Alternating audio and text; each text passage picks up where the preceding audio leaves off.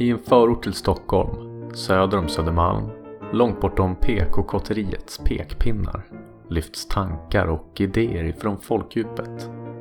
Detta är det andra avsnittet av Söder om Söder som spelas in den 2 mars 2017. Jag som pratar heter Sebastian. Välkomna! Dagens avsnitt kommer att handla om eh, medicinsk cannabis och den rådande nolltoleransen mot narkotika i landet. Länkar till alla artiklar som tas upp i programmet kommer ni finna i shownotesen. Vi tar avstamp i en artikel publicerad på svt.se den 31 mars 2016. Rubriken lyder Andreas Törn tog cannabis mot smärtan. Nu döms han. Den här artikeln handlar alltså om eh, ryggmärgsskadade Andreas Törn som odlade och eh, brukade cannabis för att lindra sin smärta. Nu döms han av Svea hovrätt till villkorlig dom samt 90 dagsböter på sammanlagt 11 700 kronor. Ett eh, intressant fall som eh, väckte en del debatt här hemma i Sverige och eh, även utomlands. Vi tittar lite närmare på det. Efter att Andreas medicinerats med en mängd olika narkotikaklassade preparat i flera års tid utan någon större lindring men eh, med flera grova biverkningar så blev han till sist erbjuden Metadon som eh, sista alternativ av smärtkliniken. Då började Andreas eh, själv att eh, leta efter ett alternativ. Efter egen efterforskning hittade han ett cannabisfrö som påstods ha hjälpt andra med just hans åkomma. Han beställde hem fröet, odlade det själv i sin tvättstuga och tillverkade sedan olja av plantan som han sedan började ta i små doser. Andreas läkare som regelbundet förde journaler om hans åkomma skrev vid den här tiden att Andreas hade berättat om ett växtbaserat naturläkemedel som en vän rekommenderat honom att testa och att han sett väldigt stora förbättringar i Andreas hälsotillstånd. I ett eh, inlägg på Andreas Facebook skriver han om en mejlkorrespondens han haft med sin läkare under tiden angående de markanta hälsovinsterna han själv upplevt. Här kan man läsa citat. Dessa år som jag haft sedan jag introducerade min medicin har varit de bästa åren för mig på många år. Jag har inte haft en enda dag med ens ett inslag av ångest. Min värk är lindrigare. Jag har inga sömnsvårigheter längre. Jag är i stort sett fri från spasticitet. Min IBS är bättre. Jag orkar mer. Jag är positiv, pigg, glad och ser livet med helt andra ögon. Jag har gått upp i arbetstid. Jag har börjat träna regelbundet. Relationen med min fru blomstrar. När fallet tidigare var i tingsrätten så friades Andreas med motiveringen att han hade prövat alla möjliga mediciner. Det var först med cannabis han blev så pass bättre att han kunde ha ett drägligt liv. Han ansågs därför ha befunnit sig i en nödsituation Tingsrätten var dock inte enig i sin dom och eh, kammaråklagaren Ann-Sofie Wilhelmsson överklagade den friande domen. Sedan dömdes alltså en man i hovrätten till böter efter att ha lyckats producera en medicin med långt mycket bättre resultat än vad staten kunnat erbjuda och till en kostnad för de svenska skattebetalarna av noll kronor. Galet kan tyckas men sådan är lagen. Så varför denna lagstiftning och eh, hur ser det ut i andra länder? Historien om vad som föranlett den rådande nolltoleransen är omstridd och eh, man skulle behöva gå tillbaka till 1870-talet då den första antidroglagen skrevs. Men eh, det får bli ett annat avsnitt. Vi börjar från 1970-talet och USAs president Richard Nixon. Nixon myntade 1971 uttrycket War on Drugs och eh, beskrev droger som The Public Enemy Number One. Man utökade och expanderade den federala narkotikakontrollmyndigheten och eh, fick igenom vad som kallas No Knock Warrants och eh, föreskrev ett fängelsestraff för narkotikainnehav. Nixon placerade tillfälligt cannabis i klass 1, den mest restriktiva kategorin av droger, i avvaktan på översyn av en kommission han utsett. Ett år senare, rekommenderade kommissionen enhälligt avkriminalisering av innehav och eh, distribution av cannabis för personligt bruk. Nixon ignorerade rapporten. Ja, eh, varför kan man fråga sig. Här finns det några olika teorier. Vissa hävdar att kriminaliseringen genomfördes delvis för att användas som ett verktyg för att slå ned oppositionen mot Nixons kampanj, antikrigvänstern och eh, svarta. Man kan i Harper's Magazine, april 2016, läsa ett påstått citat ifrån John Ehrlichman, en av Nixons främsta rådgivare, som lyder citat We knew we couldn't make it illegal to be there against the war or black, but by getting the public to associate the hippies with marijuana and blacks with heroin and then criminalizing both heavily, we could disrupt those communities. We could arrest their leaders, raid their homes, break up their meetings, and vilify them night after night on the evening news. Did we know we were lying about the drugs? Of course we did. Citatet påstås komma ifrån nyligen funna anteckningar ifrån en intervju som sägs ha ägt rum för 22 år sedan. Erlichman är död sedan 17 år tillbaka men hans fem barn ifrågasätter starkt sanningshalten i det. En annan teori är att lagstiftningen vuxit fram genom att man gjort det till en stark symbolisk fråga för allmänheten. Påhejad eller rent av skapad av lobbyorganisationer med ekonomiska intressen som ledde till att regering och opposition ville visa sig starkast i sin hantering för att vinna opinionen. Vilket eh, fick lagstiftningen att skena iväg. Ytterligare en teori är att lagstiftningen skapades och eh, upprätthålls för att det gjort det så mycket lättare att åtala och eh, döma mängdbrottslingar som annars är svåra att lagföra på grund av bristande bevis. Det som argumenterar för detta hävdar då också ofta när man påpekar hur många som sitter i fängelse för enbart narkotikainnehav att det sällan är rekreationsanvändare utan just mängdbrottslingar. Vilken av teorierna som stämmer bäst med eh, verkligheten får ni bedöma själva. Hur som helst, hemma i Sverige blickade vi över Atlanten och frågan om narkotika i samhället speglade den amerikanska modellen.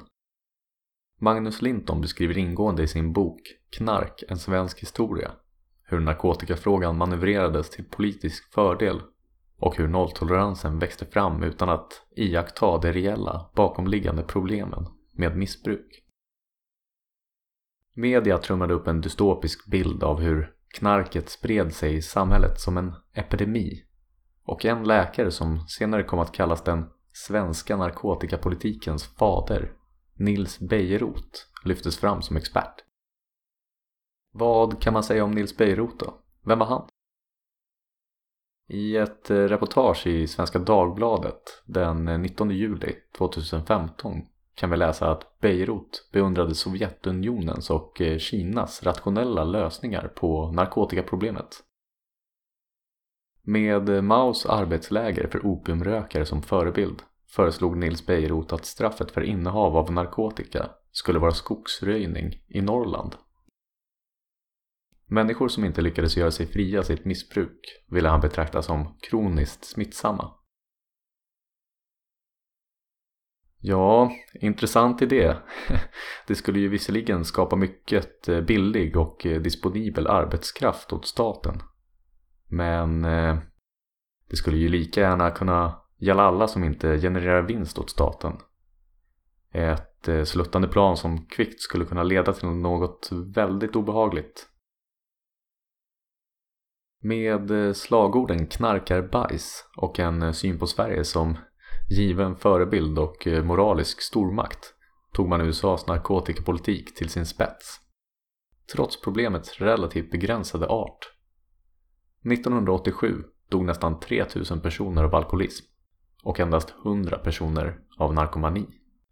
Ändå valde man att ett år senare kriminalisera eget bruk av narkotika. Nolltoleransen var ett faktum. Men hur har det gått? Utöver att sjuka människor som Anders inte har rätt till effektiv medicinering så kan vi läsa till exempel på svt.se den 31 maj förra året Narkotikadödligheten i Sverige ökar kraftigt. Näst högst i hela EU. Antalet människor som dör av droger i Sverige har mer än tredubblats på bara tio år. Omvärlden och inte minst USA har däremot börjat omforma förhållningssättet till narkotika. Man gör skillnad på bruk och missbruk och FN deklarerade förra året att förbudspolitiken måste få ett slut. På svt.se kunde man den 4 april förra året läsa FN har enats om en ny global narkotikapolitik. FNs generalförsamling har nu enats om en deklaration som på många sätt innebär en omsvängning i den globala narkotikapolitiken. Det fokus på kontroll och förbud som präglat narkotikafrågan de senaste 50 åren byts nu mot en politik där vård och mänskliga rättigheter får större utrymme. 15 dagar senare har vi vår folkhälsominister, Socialdemokraternas eh, Gabriel Wikström, som i en artikel på SVT får frågan Kan Sverige lära sig något av Portugals narkotikapolitik? Svarar citat Jag tror alltid man kan lära sig något, men det är ingenting som kommer påverka vår politik. Vi tar en snabb titt på Portugals narkotikapolitik. Portugal hade en liknande politik som Sverige och lika dyster statistik fram tills 2001 då man avkriminaliserade eget bruk av alla droger och lade skattepengar som tidigare gått till att upprätthålla narkotikalagarna, det vill säga poliser, rättsväsende och så vidare, på vårdinsatser istället. En eh, då väldigt kontroversiell omsvängning och eh, motståndet var stort men tio år senare använde portugiserna mindre droger än det europeiska genomsnittet. Injektionsmissbruket hade halverats Antalet överdoser hade reducerats avsevärt.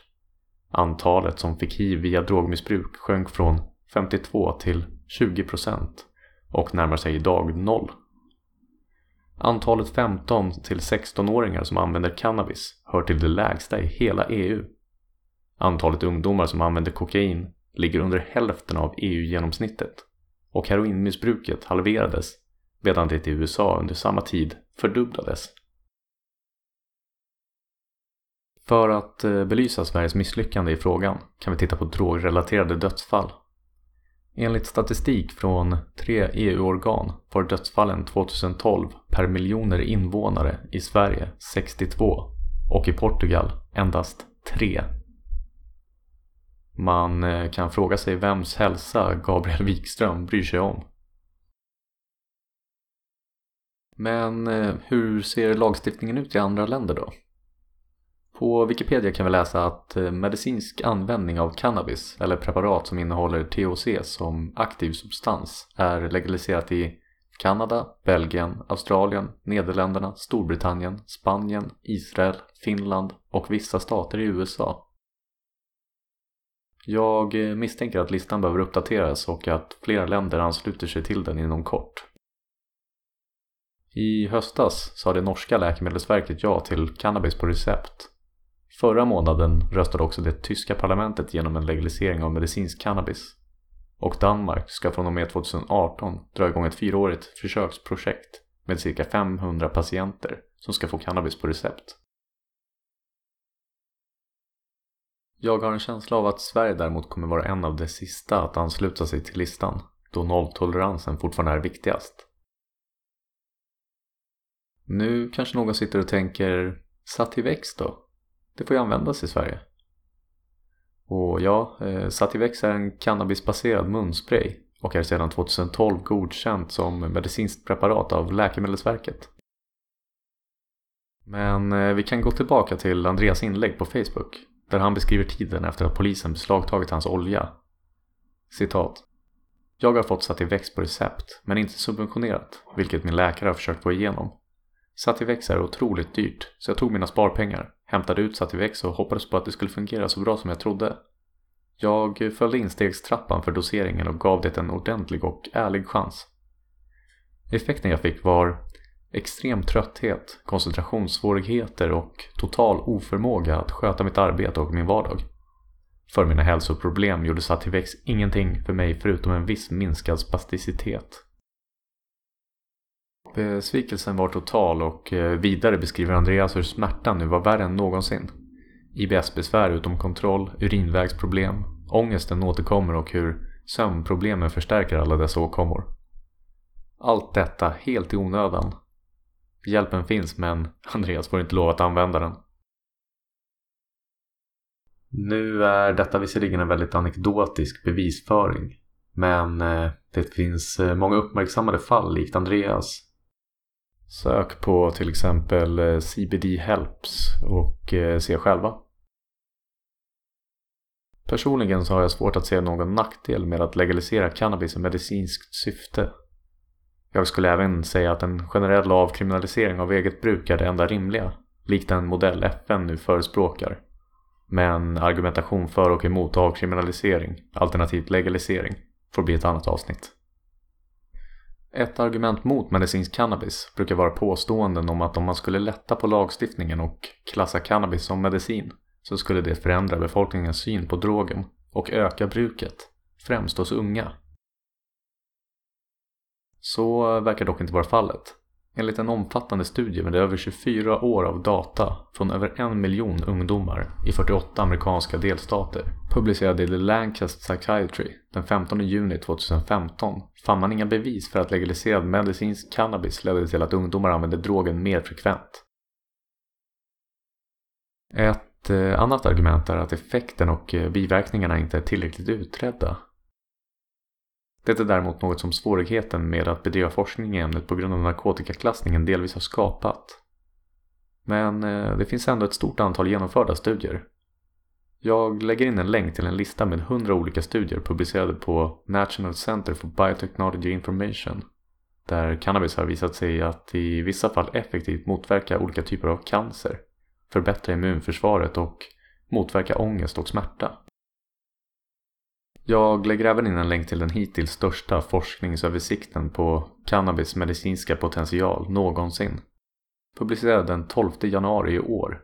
Där en expertpanel från den amerikanska vetenskapliga organisationen National Academy of Science, Engineering and Medicine gick igenom mer än 10 000 vetenskapliga artiklar för att slå fast vid vilka sjukdomstillstånd cannabis verkligen fungerar.